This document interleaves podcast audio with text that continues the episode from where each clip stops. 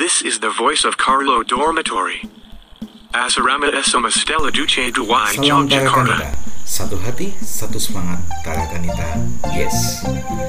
Salam jumpa kembali dengan saya Pak Beni dalam podcast Voice of Carlo Asrama SMA Selanjutnya 2 Yogyakarta pada episode yang ke-8 Nah pada episode kali ini kita akan belajar bersama mengenai nilai-nilai PKT atau Pendidikan Karakter Tarakanita Nah ada 9 nilai maka yang pertama akan kita pelajari pada episode kali ini adalah nilai compassion atau bila rasa. Tanpa memperpanjang waktu, mari kita simak bersama-sama. Oke, eh, teman-teman sudah di di MPLS sudah dikenalkan tentang pendidikan karakter Tarakanita atau belum? belum. Udah. Ada kata CC15 itu udah belum ya? Udah, udah, udah. Udah. Apa aja itu? Ingat ya? Gak ada budi, gak ada, gak ada, gak ada, gak ada budi.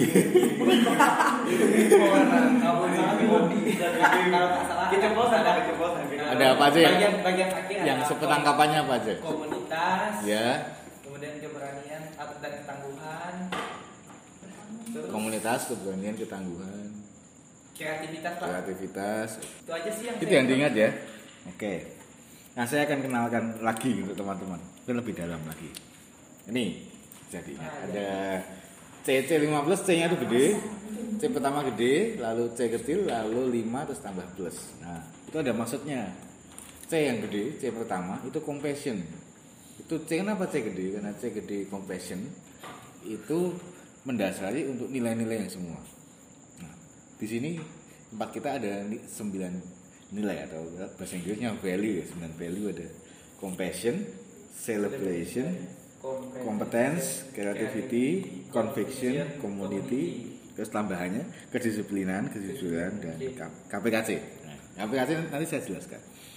Oke, eh, compassion itu terjemahan bebasnya bela rasa ya. Tahu nggak bela rasa itu apa ya? Kalau di PPKN apa yang kira-kira sama? merasakan bersama. Iya merasakan bersama. Itu salah satu nanti outputnya itu. Merasakan bersama-sama. Celebration bersyukur. Kayak tadi saya, saya kasih saya ada contohnya yaitu kalau kita bisa berprestasi bisa mendapatkan sesuatu yang menyenangkan pasti kita bersyukur. Lalu kompetens. Kompetens itu ya karena kita di sekolah maka akademiknya juga harus oke gitu ya. Karena tujuan kita ada di sekolah salah satu yang porsi yang paling banyak yaitu kompetens lalu creativity ya, kreativitas ya. Conviction itu dari juang tadi soal keberanian dan ketangguhan dia. Itu conviction. Lalu community atau kebersa- kebersamaan komunitas gitu ya. Tambahannya adalah kedisiplinan kejujuran. Nah KPKC ini adalah satu paket. Itu singkatan dari keadilan perdamaian keutuhan ciptaan. Singkatnya kalau kalian bingung KPKC itu apa ya? Ya itu kaitannya dengan lingkungan hidup. Soal ekologi soal bagaimana kita berdamai dengan alam. Ini sembilan nilai yang akan dihidupi oleh kita semua itu. Ya baik guru maupun siswa itu selama ada di sekolah Tarakanita. Saya akan ajarkan yang C yang paling gede itu. Compassion. Karena ini modal utama untuk kita. Kita mendalami semuanya. Dan ini jadi way of life kita gaya hidup kita di setir compassion. Compassion itu bela rasa. Saya awali dengan satu kisah nyata. Percaya nggak sih bahwa di dunia itu masih ada perbudakan? Contohnya apa perbudakan? Contohnya di mana? Eh, perbudakan biasa kalian dapatkan di pelajaran sejarah ya? Iya. nah zaman ini masih ada nggak sih perbudakan itu? Ada pak, tapi dibayar budaknya pak. dibayar? Iya pak. enggak. Enggak lah perbudakan dibayar. Oh, kan? budak ya nggak dibayar ya. Ada nggak di dunia ini? Pasti ada. pernah dengar nggak?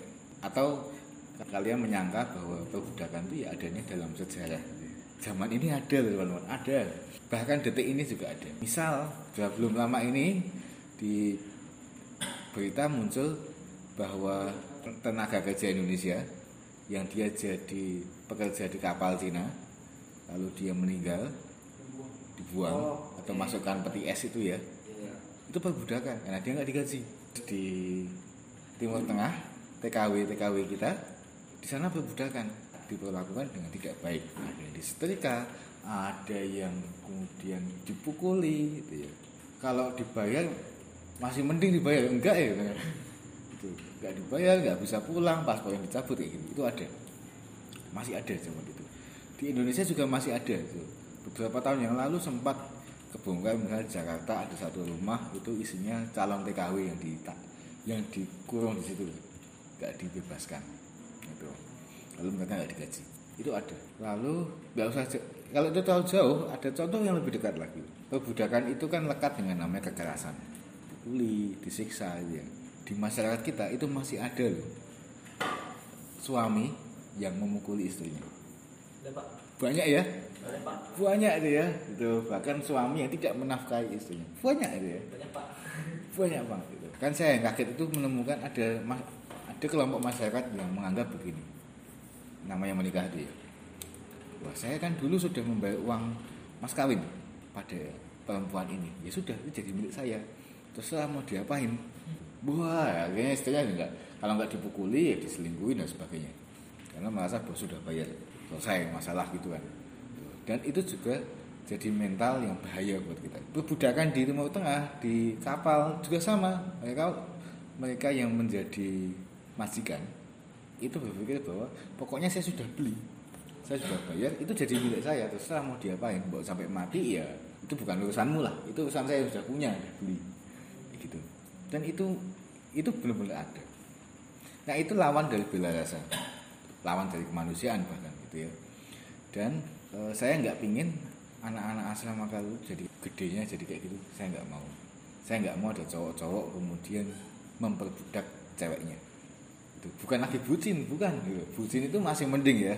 Bucin itu oke eh, misalnya si cowok minta ditemenin. Nah, ditemenin latihan gitu terus ya bahkan ceweknya sampai lupa belajar. Itu bucin. Tapi kalau perbudakan itu sampai disiksa. Sampai mungkin dimaki-maki. Itu dibayar nggak bakal lah pacar dibayar enggak ya. itu dimaki-maki iya iya kadang-kadang bahkan diperkosa juga ada gitu ya. dan kemudian si perempuan itu mungkin karena takut dia nggak bisa pergi ke mana-mana itu takut kalau kemudian dia pergi lalu diancam apa. Itu itu banyak loh cowok kayak gitu tuh. Dan itu nggak ngomongin bahwa mereka yang sudah tua enggak yang anak-anak SMA yang kuliah juga ada gitu. Pak kita nah, saya nggak mau kayak gitu kayak gitu jadi di antara kalian semua. Itu. Maka nilai yang paling kuat yang harus kita pegang adalah bela rasa. Nah gimana cara mulainya? Yaitu mulai dengan berpikir bahwa kita semua itu wajib memelihara apa pun yang ada di sekitar kita. Merawat mengasihi gitu ya. nah memelihara itu bukan berarti kemudian merasa memiliki terus disimpan sendiri. Enggak itu ya. tetapi mengusahakan supaya apa pun yang ada buat kita itu terjaga dengan baik dan siapa pun bisa memanfaatkan sama dengan kita. Contoh begini saya tahu banyak teman-teman kalian itu yang berpikir bahwa wah pokoknya saya sudah bayar terserah saya mau ngapain yang penting saya sudah bayar itu atau wah saya sudah bayar. Ya saya harus menikmati dengan full dong haknya. Saya harus nyaman dong ya kayak gitu. Ada anak sekolah yang kemudian mereka itu tidak menghargai gurunya mengatakan pada gurunya gini lah lo kan kerja di sini gue yang bayar wah itu bahaya. Itu bahaya banget. Kalau kemudian ada anak mengatakan bahwa guru kan di sini karena saya bayar SPP gitu ya. Ya enggak lah enggak hanya itu ya. Enggak enggak seperti itu. Itu itu, itu bahaya itu. atau misalnya di asrama mengatakan wah saya bapak saya sudah bayar itu ya nanti semua harus beres dong. Ya enggak itu enggak bisa begitu. Bahaya. Gawat itu. Yang yang mungkin akan terjadi ke depan adalah misalnya di antara kalian itu kemudian merusakkan barang di asrama. Lu berpikir bahwa walah nanti juga diperbaiki. Kan saya sudah bayar. Wih nah aja. Ya enggak lah. Itu kalau rusaknya normal ya oke lah kita kita ganti. Misalnya oh lampunya mati. Karena sudah lama itu. Lain kalau lampunya mati kena bola Wah, itu urusan lain gitu ya. Ya itu harus ganti dong anak kenapa? Karena itu rusak bukan karena pada waktunya tetapi karena perbuatan gitu ya. Nah bila rasa harus muncul di situ oke ini lampu yang memakai sama-sama dong. Ayo kalau gitu saya harus perbaiki. Saya harus ganti itu gimana pun caranya. Itu itu hal yang harus kita pegang. Saya pun juga sama. Bukan berarti kemudian saya pawang terus ya saya dengan enak minta pada sekolah pak ini ganti-ganti. Enggak gitu ya. ketika ada yang rusak karena saya ya saya perbaiki. Sama kalian juga nanti akan dan juga pada barang punya teman-teman. Mungkin ketika misalnya Jaso main bola bola basket punyanya Lilo eh nggak sengaja itu pas meletus. Terus mungkin kena kena paku loh ya. Pakunya pas gini tajam terus kena itu. Ya iya sih nggak sengaja. Siapa sih yang nekat ini ya? Nggak akan ya. Nggak ada yang main bola terus nekat dipukulkan ke tapi pas jasu pakai itu pas bolanya kok bocor itu. Ketika menghadapi situasi itu pertama-tama ingat oke ini bola bukan punyaku ini punya Lilo lalu yang pakai bola juga buka- bukan Lilo doang tapi juga banyak teman. Tuh. kalau ini nggak segera diperbaiki nggak diganti nanti semua rugi. Gitu. paling gampang ya sudah katakan Lilo wah bolamu tadi kena paku ya gitu. Nanti tak tak gantinya ya itu oke nah cara mengganti kan banyak prosedur nanti. Misalnya mau mencari yang persis atau yang yang penting bola ya bisa itu ya. Tetapi ada tanggung jawab di situ. Itu namanya bela rasa tapi kok kemudian angkat tangan wah nah saya nggak sengaja saya nggak mau ganti. Gitu. nggak bisa. Nggak bisa gitu. Ya. namanya nggak sengaja ya siapa sih yang mengharapkan? Tapi ketika menghadapi situasi itu ya sudah kita jenderal saja. Kita perbaiki itu kalau misalnya saya nggak sanggup biayanya pak itu karena tinggi sekali ya sudah bilang orang tua pak saya begini ini. Soal dimarahin iya sih iya. Tapi kan ada tanggung jawab di luar itu. Ada tanggung jawab yang penting itu. Itu namanya cowok gitu ya. karena saya benar-benar mau melatih teman-teman untuk jadi cowok yang tanggung jawab. Itu. maka dari hal yang sangat sepele ketika menggunakan apa pun yang itu jadi nggak beres mengusahakan itu usahakan untuk perbaiki. Itu itu bela rasa paling sepele. Itu lalu kemudian bentuk lain bela rasa itu pada teman. Contoh eh, kebetulan duit lagi PJJ laptopnya mati! Ini dia. Waduh dia nggak bisa PJJ karena filenya semua di situ. Itu. di waktu yang sama kalian bertiga itu juga butuh laptop masing-masing. Kalau dipinjamkan pada duit kan nggak bisa kerjakan. Atas caranya gimana? Supaya dia tetap bisa mengerjakan. Pinjam komputer di, ya kan? Pengen nggak di internetnya? Bisa oke. Misalnya pas komputernya dipakai sambil kondisi begini semua pada pakai laptop tiba-tiba laptop mati dan kamu butuh segera upload. Nah datanya di data butuh laptop. Misalnya tugas menggunakan Corel Ray, kan harus laptop Oke, atau bikin PPT yang udah pakai Matinya kenapa dulu nih bang? ya di- katakanlah tiba-tiba aja kabelnya itu mungkin ada konslet putus sih. Ya artinya dari off tuh ya atau off. Oh, nah, bisa diperbaiki. ah, ah, gimana saya udah lama deh malam-malam gini belum Ya Allah. Berani benar malam-malam keluarnya. ya. Kayak gitu tuh nggak susah nggak susah susah banget. Gini loh. Oke ketika kondisi belajar bersama gitu terus punya duit itu laptopnya mati dan dia harus bekerjakan malam ini. Udah salah satu ngalah. Ngalahnya gini. Misal mestinya targetnya Garda itu selesai tugas itu jam setengah sepuluh. Tapi karena tahu duit itu butuh juga udah kamu selesaikan jam 9 jadi ada waktu setengah jam Iya. untuk duit itu menggunakan. Kan bisa. Itu soalnya bila dasar itu simple. Kita mempercepat tugas kita supaya teman kita bisa pakai. Nah soal nanti diperbaiki kapan itu kan urusan lain tapi ketika ada teman mengalami itu segera bantu. Kita nggak usah ngomong kasihan nggak perlu. Bantu udah gitu. Jadi kalau hanya ngomong kasihan itu kalau hanya orang ngomong kasihan ya itu itu sama kayak orang yang suka posting di IG atau di Twitter posting bapak-bapak tua jualan mainan lalu bilang wah ini kasihan ya dibeli ya. No kita nggak model begitu misalnya Gitu. kalau kita mau bantu ya datang beli karena butuh gitu ya. Bukan karena kasihan kan gitu ketika lihat teman itu kesulitan ya kita bantu karena dia butuh. Bukan karena kasihannya gitu. kasihan itu di bagian awalnya tapi yang penting kan tindak actionnya. Itu bentuk penerapan compassion tadi ya. Nah lalu compassion juga nanti kalau di sekolah mungkin ada biasanya sih ada namanya koin Carolus. Koin Carolus adalah semacam ya ada kotak di, diedarkan pada semua siswa ketika ada ada keluarga guru atau keluarga siswa yang meninggal. Contoh ada temanmu yang bapaknya kemudian meninggal dunia karena untuk uang duka gitu lalu di diedarkan. Nah karena sekarang nggak sekolah mungkin besok pakai tab gitu ya tab entah GoPay atau apa itu bisa aja gitu. Banyak cara tetapi itu fungsinya adalah bagaimana kita bela rasa itu kita kita olah di situ. Kalau anak asrama itu biasanya mulai muncul konflik itu bulan 3 kan bulan keempat. Mulai kelihatan aslinya. Nah kalau masih sebulan apalagi seminggu itu belum kelihatan aslinya. Semua masih baik-baik gitu ya. Semua masih jadi kucing gitu ya. Masih jadi kucing. Nanti kalau sudah bulan ketiga keempat mulai muncul muncul macannya ya, muncul singanya semua itu semua jadi singa gitu ya. Gitu. Wah mulai keras semua sama-sama stres posisi ya, sama-sama bosan gitu ya. Gitu. Nah pada waktu kayak gitu itulah ditantang gimana kita bisa mempertahankan value bela rasa. Gimana ya kita kita bantu teman yang dia kesulitan padahal kita sebel sama dia. Contoh eh, bayangkan aja ya misalnya Dwi itu sebel sama Jasu. nggak suka sama Jasu, nggak cocok gitu. ya. Tapi di waktu yang sama Jaso itu dia kehabi- kehabisan sabun cuci dan Jaso kemudian minta pada teman-teman yang lain. Nggak dia ngasih. Dalam kondisi itu bagaimana kita bisa me- mempertahankan nilai bela rasa? Tahu caranya nggak? Nggak, bingung ya? Bingung rasa sebel Pak. Eh, iya, nah gini. Itu- Kalau kalian bingung itu ya iya sih karena biasa. Hilangkan. Oh susah. Emang gampang ngilangin rasa sebel. Tergantung orang Pak. Tergantung orangnya sih Pak. Nah, saya kasih tahu caranya gini. Caranya gini. Kalau kita sebel pada orang, kita lihat-lihat. Yang kita sebelin apa sih? Apakah tingkah lakunya dia atau pribadinya? Jangan kita sebel karena pribadinya. Karena itu luas banget, nggak mungkin gitu ya. Tapi kalau kita sebel dengan tingkah lakunya oke lah. Misal, wah, saya nggak suka sama Lilo karena dia suka letakkan gelas sembarangan saya. Oke, pada titik itu saya nggak suka. Tetapi yang lain maka kalau ada situasi Jasu butuh sabun nggak ada temen yang ngasih. Ya udah kasih aja gitu ya. Soal bahwa misalnya dia nyebelin ketika di kamar itu urusan lain ya. soal dia bilang terima kasih atau enggak itu urusan lain. Kita bantu. Kita nggak nggak usah menuntut orang yang kita kasih itu harus bilang terima kasih.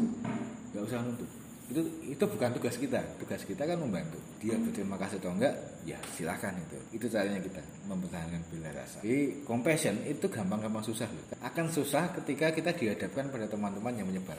Kalau udah sakit hati itu males. Duduk satu meja wow ya. itu itu pasti akan muncul gitu. tapi ketika dia yang kita sebel yang kita sebelin dia lagi sakit gitu. ya udah kita tetap harus minimal mendoakan minimal banget. Ya lebih baik lagi kalau bisa membantu. Membantu tuh misalnya oke dia demam menggigil oke saya buatkan air panas. Sepele gitu. Mungkin nggak ngomong nggak apa nih tak buatin. Nggak banyak ngomong itu itu nggak usah. Ya. Sepele. Gitu. dan dengan itu maka bila rasa kita tumbuh. Di tengah rasa sakit hati itu tetap tumbuh. Karena kalau nggak gitu kita nggak punya temen jangan harap bahwa bahwa semua orang di dunia itu baik. Ada dan jangan anggap bahwa semua orang di dunia itu jahat. Ya. karena baik dan jahat itu tergantung waktu dan tempat. Tidak ada yang sepenuhnya baik tidak ada yang sepenuhnya jahat. Tergantung kondisi. Dan itu bila rasa kita. Lalu ada juga kasus begini ketika makanannya lagi enak. Nah ini dia. Untung kita model makanannya adalah per- setiap anak satu tumbler ya. kalau modelnya adalah catering dengan satu piring bersama untuk berdelapan gitu, itu bisa kalau pas enak bisa berantem bisa pas daging ayam. Kalau kita nggak ingat nggak ingat temen ini itu ya kita akan ambil banyak. Nah terus gimana dong untuk memuaskan keinginan kita? Ya pasti kita pengen makan enak tuh nggak ada yang nggak pengen makan enak nggak ada. Pasti semua pengen makan enak. Tapi satu sisi harus ingat teman lalu gantian. Gitu. sedikit sedikit ketika sudah lalu masih ada sisa oke. Ketika ada tawaran boleh nggak boleh? Ayo. Caranya kita untuk kemudian ingat teman. Karena di asrama nggak kenal cewek nggak kenal cowok semua pasti pengen rebutan makanan apalagi pas enak ya ya. Tapi kalau pas nggak enak misalnya sayur kangkung tuh ya udah. Hmm, semua semua bisa puasa kan ya. Nah, pada puasa saya tahu. Tuh. tapi itulah yang harus dipegang oleh teman-teman. Karena itu nanti juga soal hmm, namanya etika manners di luar. Manner itu tab- kalian pernah dengar istilah table manner ya? Table manner pernah? Table itu meja manner itu etika etika meja. Pernah dengar itu? Pernah lihat di adegan film ada pesta perjamuan, perjamuan makan lalu meja bulat lalu ditata gelas ada tisu lalu orang pakai tisu begini. Itu namanya table manner. Terus sendok ditata ada garpu ada pisau itu kan table manner. Itu semua etika. Dan etikanya itu detail banget kalau kalian bisa menguasai etika itu wow kalian mau ikut pergaulan yang internasional kalian nggak nggak takut kalian nggak canggung gitu. karena ada etikanya termasuk ambil makan yang namanya makan itu ya ambil secukupnya dulu dikit oke pelan-pelan dihabiskan udah lalu kalau mau tambah lagi dan ada boleh itu. tapi nggak model kemudian ambilnya langsung pluk. kayak nasi padang dua porsi itu bungkus lagi nasi padang bawa pulang dua porsi kan nggak nggak model begitu. Ya kita makan ingat pada pada teman. Itu penting. Nah sekali lagi balik tadi yang kasus pertama. Eh, jangan sekali lagi sekali lagi jangan anggap bahwa ketika kita sudah membayar semua sudah beres. Jangan. Karena itu yang bikin rusak negara kita. Orang bilang wah saya sudah bayar pajak kok. Ya udah saya saya naik motor seenaknya dong. Nggak masalah. Wah nggak bisa juga. Wah saya udah bayar pajak kok. Pajaknya buat bikin jalan ya. Sudah saya pakai mobil ya. Jalannya mau ke tengah ya sudah ya. Nggak bisa gitu. Atau ketika di rumah sakit ada yang ada yang kacau begini. Barang-barang di rumah sakit bawa pulang. Yang sanitizer tisu selimut bantal itu ada gitu. Ya kita nggak model gitu dong gitu. Oke kita mau rugi naik pesawat Garuda bawa selimutnya. Ya nggak gitu dong gitu ya. Oke kita udah bayar tapi nggak gitu juga caranya itu ya. Kayak kita nggak mampu aja sih beli selimut itu. Kayak kere banget nggak bisa beli selimut. Beli bisa beli tiket masa nggak bisa beli selimut kan gitu.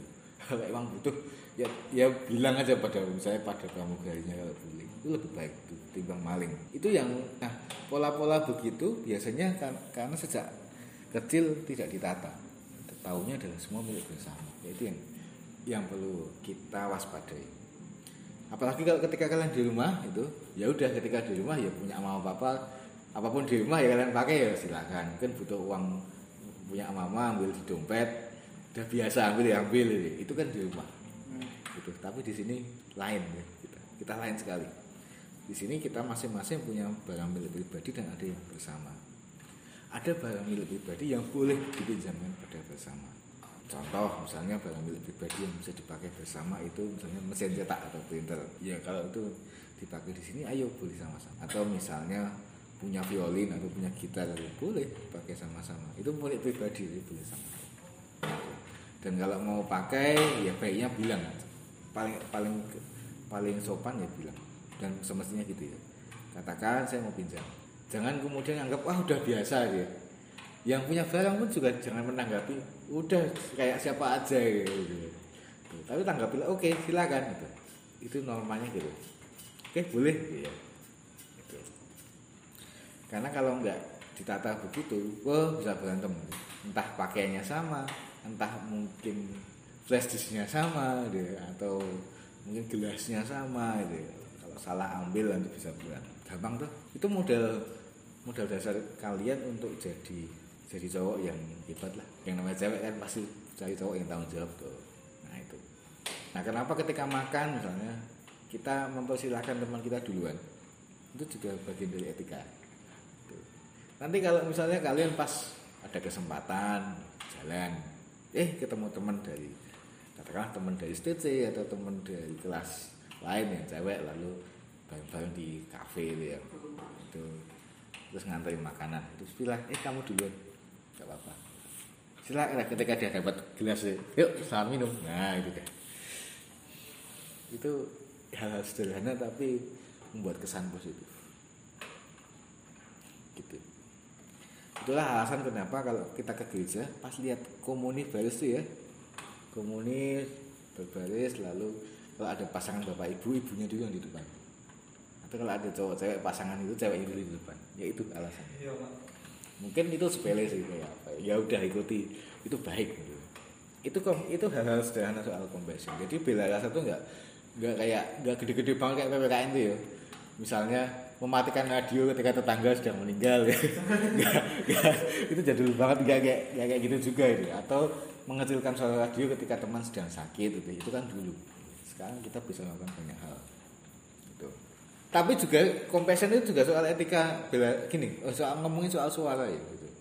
Ketika kita video call atau telepon dengan teman itu baik pakai headset itu sopan. Karena apa? Karena yang akan telepon ya kita masing-masing gitu loh. Bukan teman kita satu satu ruangan kan gitu. Kecuali kalau kita ngezoom bersama oke kita akan loudspeaker Nah, kalau ada komunikasi video call, video maupun audio yang untuk pribadi, ya tidak usah di loudspeaker. Gitu. Tapi saya nggak bisa tuh bisa pakai headset pak. Sehingga saya sering sakit. Oke, kalau gitu headsetmu yang diganti. Pakai yang kayak kapas dulu. Bukan yang bukan yang earbud, tapi yang gini, ya earphone. Headphone bisa. Headphone. Itu. Jadi caranya bukan bukan kemudian pakai loudspeaker, tapi diganti alatnya kan gitu. Gitu. Kenapa? Karena sepanjang waktu ke depan kamu akan butuh itu gitu, untuk ngezoom dan sebagainya. Nah, gunakan itu. Pakai headphone. Toh juga tidak terlalu sumuk gitu ya, tidak terlalu panas gitu. Kalau pakai ear, earphone yang pakai earbud itu pasti sakit telinganya.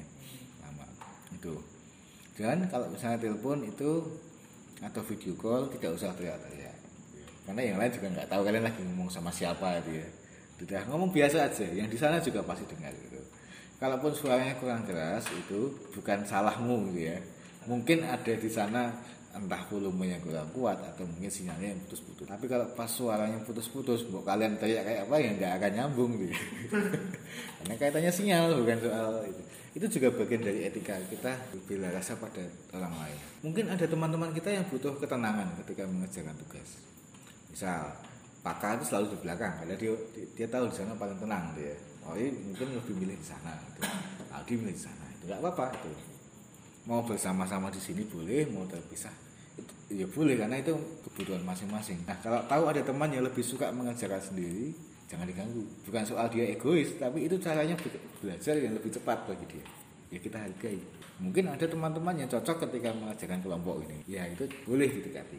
Terus kalau sudah malam di atas jam 6 itu bola basket jangan bunyi Eh, kenapa? Karena kegiatan kita di sini akan kedengaran juga oleh tetangga. Wong kita banyak tetangga. Kalau main gitar ketika malam minggu oke lah gitu ya. Tapi di atas jam 10 jangan, jangan karena itu nanti bisa mengganggu. Tetangga kita itu lansia depan depan sampai rumah ini dia sudah lansia. Tuh, maka kita jangan kemudian banyak teriak-teriak. Ya ngomong ngomong ketawa tuh boleh-boleh aja deh. Jangan di jangan dipendam gitu ya. Tetapi apalagi kalau sudah malam itu kita tidak perlu teriak-teriak. Kalau panggil gitu ya nggak usah teriak-teriak juga gitu. Misalnya kamu di depan sana terus yang kamu panggil di sini itu ya kamu mengalah mendekat agak mendekat lah. Wah itu nggak perlu gitu ya. Biasa saja itu nah kalau itu tadi kalau malam ya bola basket jangan bunyi. Karena itu kesannya ya kita nggak tahu waktu lalu kemudian ya kalau malam mau ketawa-ketawa boleh lah itu tapi dibatasi jangan sampai kemudian sampai jam setengah 12 itu jangan gitu ya itu lalu bila rasa itu juga bisa kita terapkan pada guru-guru kita seperti saya bilang kerjakan tugas sesuai waktunya kalau lebih cepat lebih baik itu juga bila rasa pada guru kita ya dia tidak hanya mengajar, mengajar kelasmu doang gitu. dia juga mengajar banyak kelas gitu. bayangkan kalau setiap guru mengajar eh, 200 anak ya 200 gitu. tugasnya itu harus dicek satu-satu kalau kalau 50 anak ngumpulkan jam setengah 11 malam kasihan gitu ya itu. Maka kita bantu dengan lebih cepat. Yang lebih cepat dikumpul biasanya akan lebih cepat dikoreksi. Juga kemudian bela rasa itu kaitannya juga dengan sopan santun dalam komunikasi etika komunikasi pada guru. Nah ini. Ini yang mungkin teman-teman ada yang belum tahu. Pertama kalau menghubungi lihat waktu. Ya waktunya jelas WIB ya waktu waktu Jogja jelas. Itu Nah, kapan bisa menghubungi guru? Ya mulai pagi sampai dengan malam katakanlah ya jam-jam 9. Karena ada guru yang sudah tua, mungkin mereka butuh istirahat cepat itu. Maka kalau kita butuh emergency, urgent itu kontaklah ketika sore. Ada juga guru yang lebih suka dikontak ketika jam kerja atau dari pagi sampai dengan siang. Ya udah kita ikuti. Selain waktu juga bagaimana kita menggunakan kata-kata. Salam jelas, selamat pagi, selamat siang, selamat malam gitu ya. Lalu kemudian perkenalkan namamu dan kelasmu. Kita kan nggak tahu gurumu itu sudah menyimpan namamu atau belum kan nggak tahu. Kalaupun sudah menyimpan ya nggak apa-apa tetap katakan saja gitu. Ya. Pak, gitu ya. selamat malam Pak, saya saya Dwi dari kelas 10 IPA. Lalu katakan peluangnya apa? Misalnya mau menanyakan kok absen saya belum masuk ya gitu ya saya absensi tapi belum tercatat ya. maka saya ngomong begini saya Dwi dari kelas 10 IPA 2 ya. Di pagi saya sudah, sudah coba untuk presensi. Tapi kok tampaknya belum masuk gitu. Apakah mohon bantuan Pak gitu. Makasih gitu. Lalu kalau belum dibalas nih centang dua tapi belum dibalas gitu ya. Wah gimana nih? Diulangi aja. Mungkin kasih jeda sekitar 2 jam 3 jam terus dikotak lagi. Mungkin chatmu itu tenggelam ke bawah karena yang ngechat anak-anak banyak gitu ya. Nah, ya maklum dong gitu ya. Udah kita chat lagi untuk mengingatkan. Kalau ketika dibalas, sudah dibantu, kita ucapkan terima kasih. Kalaupun oleh guru mengatakan Pak Guru atau Bu Guru terima kasih, kita balas lagi sama-sama. Jangan pakai stiker ya, kata-kata aja. Kemudian kata gantinya itu gunakan kata saya dan aku. Dan mengatakan Pak Guru ya buat nama. Misalnya Pak Budi atau Bu Yo atau Bu Puri atau Pak Markus gitu. Itu. Jangan gunakan Pak Fisika, Bu Matematika ini jangan ya, atau Bu Bahasa Inggris nama itu. Tahu kita harus tahu nama lah. Lalu misalnya ada kesalahpahaman, kamu sudah upload, sudah upload tugas itu, tapi gurumu tuh belum belum menerima itu, belum merasa menerima itu ya. Padahal kamu tahu kamu udah upload dan sukses ya. Nah, di situ kamu nggak usah ngotot, kamu tinggal bilang gini, mohon maaf pak, gitu ya.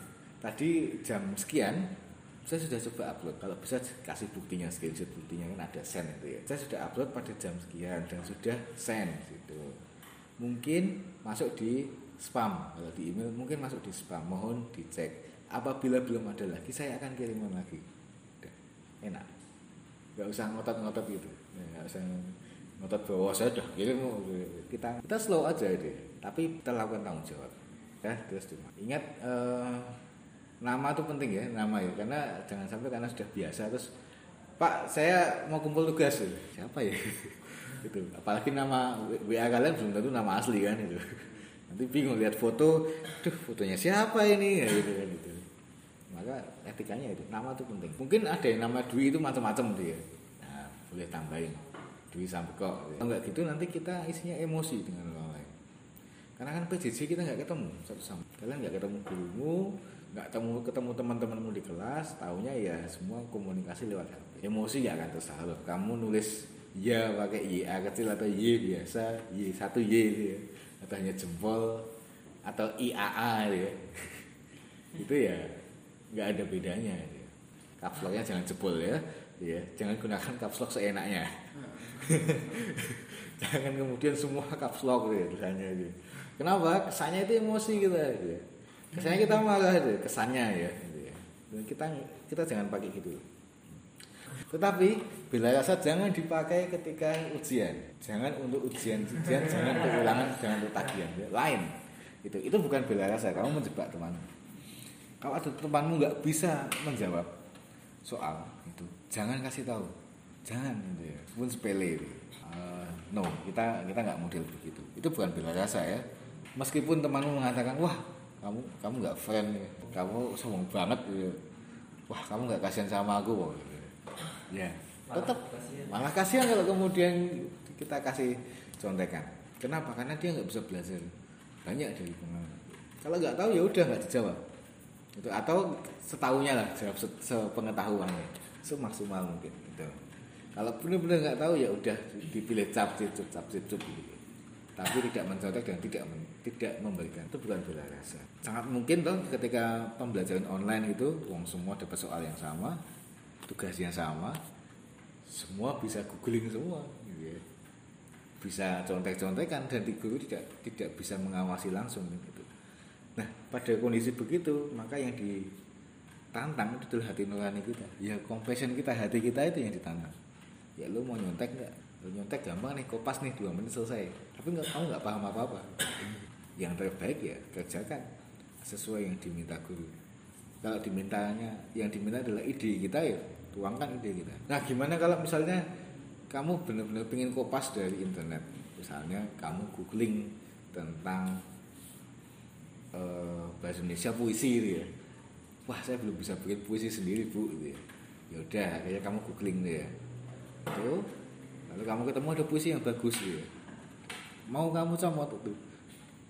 Ya, kalau kamu comot itu, maka tanggung jawabmu adalah menuliskan kamu mencomot dari mana. Itu wajib. Karena itu bukan idemu gitu ya. Kalau dimarahin guru misalnya, "Oh, kamu kok kok nyontek? gitu ya. Nah maka jawabannya begini. Kalau kamu mengakui bahwa itu milik orang lain itu maka tuliskan di situ ini dikutip dari sini. Gitu. nanti ketika guru melihat wah kok pekerjaannya Jaso kok sama dengan di web ini ya? Itu Jaso buat kamu ulangi kamu bikin sendiri. Oke nanti kamu bikin sendiri. Itu akan dipakai pola begini akan dipakai sampai kalian kuliah. Saya punya cerita begini. Kakak kelas kalian ada beberapa yang ketahuan mencontek di asra, eh, anak asrama ya ketahuan mencontek. Besok kalau kalian cek di buku pedoman bagi yang ketahuan mencontek maka hukumannya adalah nilainya nol untuk pelajaran itu. Untuk ulangan itu sorry, untuk ulangan itu. Kalau nilainya nol maka harus remedi lagi. Tapi di asrama kita akan gunakan sistem lain saya dan Pak Dias menerapkan bahwa tidak tidak ada namanya anak asrama kok mencontek kalau yang ketahuan mencontek guru akan menyampaikan pada saya atau Pak Dias Pak Beni ini kok pekerjaannya Lilo kok sama ya dengan pekerjaannya Jaso bahasa Indonesia gitu. Nah, kan ketahuan siapa yang nyontek kita nggak nggak ada bedanya sih karena sama itu ya. Kalau misalnya ketahuan ternyata yang mencontek itu Jaso maka Jaso nilainya nol oleh guru bahasa Indonesia. Dari kami sendiri itu juga memberikan hukuman.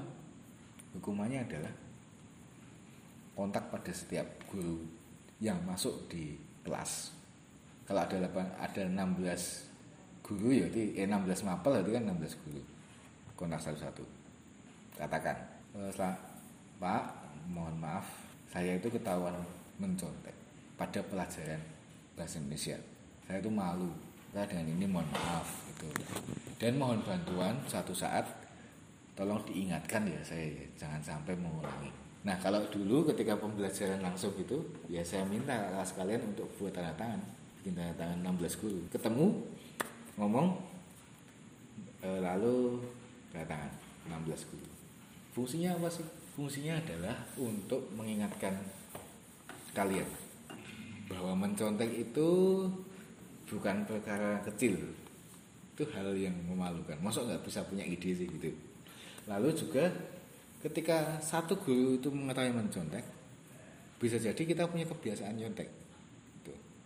maka ketika kita kontak pada banyak guru fungsinya adalah supaya mereka semua mengingatkan kita. Loh kenapa harus diingatkan? Ya karena tiga tahun kamu akan ketemu mereka terus. Nggak ganti gitu. Gurunya itu itu aja itu IPS ya ketemunya itu. IPS ya pelajaran Bu Wiwi ya Bu Wiwi terus sampai dengan kelas 12 gitu. olahraga ya nanti dengan Pak Edi terus begitu. Tiga tahun ketemu itu terus. Maka sejak awal saya kelas 10 ketika ada kita kesalahan begitu kita akui dengan gentle Pak saya itu mencetak bahasa Indonesia. Meskipun yang kita yang kita ajak omong itu adalah guru PPKN misalnya. Kayaknya nggak nyambung ya. Ngapain ngomong ke guru PPKN bahwa saya nyontek bahasa Indonesia? Tapi ingat di sana mereka guru satu ruangan. Gitu. tahu dong gitu ya. Tahu situasi ketika guru mengatakan waduh si anak asrama ini kok mencontek ya gitu. yang dengar banyak. Maka fungsinya kita kontak satu-satu itu juga kita mengakui wah iya saya mencontek itu. Dan saya janji depan tidak mencontek. maka kalau ketahuan saya ketahuan mau mencontek tolong diingatkan. Dan kemudian guru-guru jadi kenal kalian. Gitu. kenal baik maksudnya. Bukan kenal wah itu tukang nyontek bukan. Bukan. Bukan itu yang diingat. Tapi justru oh anak ini gentle dia mau mengakui kesalahan. Itu yang lebih diingat. Nah tapi kalau sudah sudah ketahuan minta maaf terus dua bulan lagi mengulangi lah tapi untuk untuk mempraktekkan itu ya selamat belajar. Lah itu gampang-gampang susah ya. Ada lagi mungkin teman-teman satu hal yang baru yang kalian temukan? Ya mungkin ada hal-hal yang kalian udah tahu sih udah tahu. Cuma saya hanya mengulangi aja. Atau membagikan nama atas pengalaman kalian goalsnya adalah kalian selesai asrama itu jadi pribadi yang oke.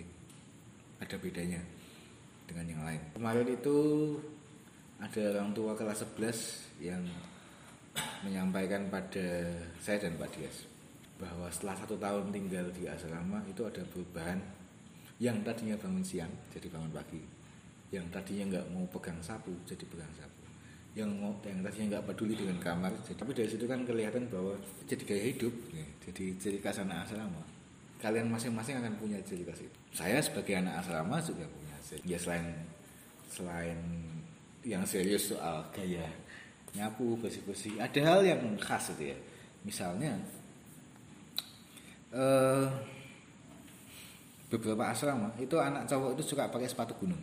Eh sorry, sandal gunung. Egel itu ya.